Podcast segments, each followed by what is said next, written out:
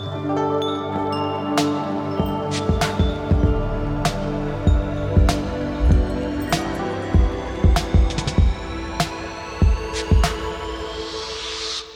اليوم رح نكون عم نحكي عن مراحل العلاج النفسي وشو أول خطوة بيعملها المعالج أو الطبيب النفسي. عادة الشخص وقتها بيروح عند معالج نفسي بده يكون هو أول خطوة بالنسبة للشخص هو إنه يكون مقتنع إنه هو بحاجة لحدا يكون حده يحكي لحدا مختص تيكون عم يقدر يساعد حاله.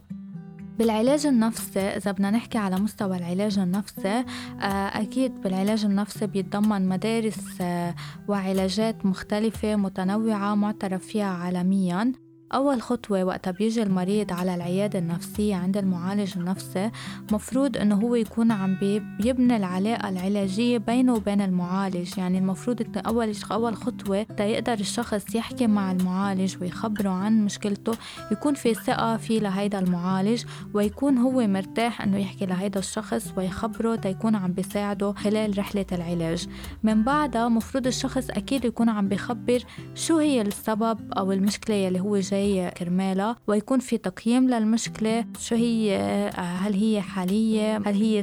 لها عوامل سابقة كمان عم تأثر على الشخص قد إيه هي شدتها هل في سلوكيات معينة عم بتصير عند الشخص مثلا هل في أفكار للانتحار ولا لا؟ آه، كل هيدي كل هيدي القصص لازم يكون فيها وضوح أكيد بين المعالج والمريض ويكون الشخص عم بخبر عن جد بكل ثقة للمعالج ليكون المعالج عم بيقوم بدوره بطريقة مهنية المهنية بالمرحلة الثانية المفروض أنه يكون المعالج عم بحدد مع المريض شو هي التقنية العلاجية يلي المعالج رح يكون عم يمشي فيها شو هي أهداف العلاج وشو هي أهداف العلاج يلي يكون عم يشتغل فيها على المدى الطويل لأنه آه، في عنا أهداف قصيرة يلي هي بتكون حالية وفي عنا أهداف طويلة يلي هي بتحتاج لوقت لحتى يكون الشخص عم يتخطاها ويتعالج منها ويتعافى منها. بهيدي المرحلة مفروض يكون في نقاش بين المعالج والمريض وتتحدد الأهداف ليكون المريض أو الشخص آه، عم بحس براحة وأنه هو عن جد بده أنه يتعالج ويكون بصحة نفسية أفضل.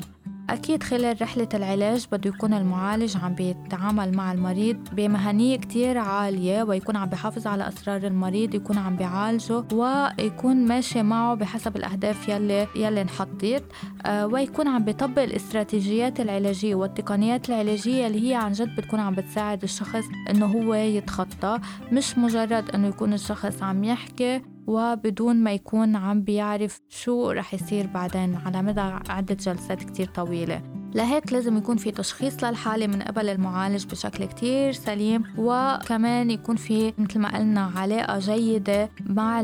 مع المعالج يكون المكان يلي هو المعالج عم بشوف فيه المريض يكون أكيد مكان رايق هادي يكون الشخص مرتاح فيه بعيدا عن الضجة يكون في ثقة متبادلة ولا حتى يكون في جلسات علاج فعالة خلال العلاج أكيد الشخص بيكون في عنده قدرة على أنه يحكي يفرغ هيدي الأمور اللي هو آه، قطع فيها آه، بدون ما يكون عم بفكر بأنه هيدا المعالج أو الشخص اللي هو عم يحكي له شو ممكن يقول عنه هلأ. هل رح يحكم عليه إنه هو آه، شخص ضعيف شخص مش منيح شخص آه، يعني بدون ما يكون عم بفكر إنه ممكن المعالج ينتقده آه، من هيدا الشيء بهيدي الحالة لما بنقول معالج نفسي أكيد هو بيكون قادر إنه يضبط انفعالاته المعالج وقادر إنه يسمع للمريض بكل حيادية لحتى يساعده على تعبير اللفظي خلال مرحلة العلاج.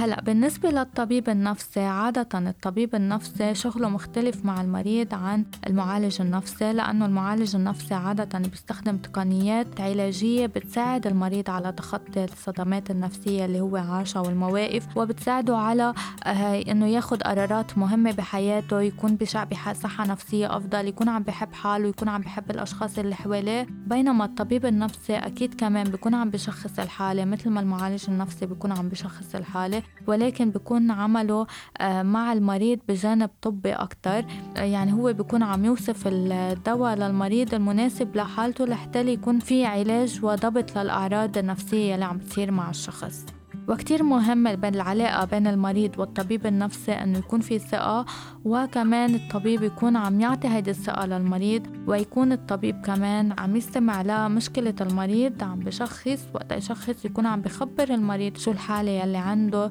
ويكون عم بحطه بالجو شو هي رحلة العلاج الدوائي يلي هو رح يقطع فيها خلال هيدي المرحلة. ويكون عم بخبر كمان المريض إذا هو رح يكون عم ياخد هيدا العلاج الدوائي لمرحلة معينة مع العلاج النفسي أو هو رح يكون عم ياخد العلاج لمدى طويل الأمد خلال حياته. بالحلقة الجاية رح نكون عم نحكي عن أيمتى بتكون حالة الشخص النفسية بتشكل خطر على نفسه أو على الآخرين.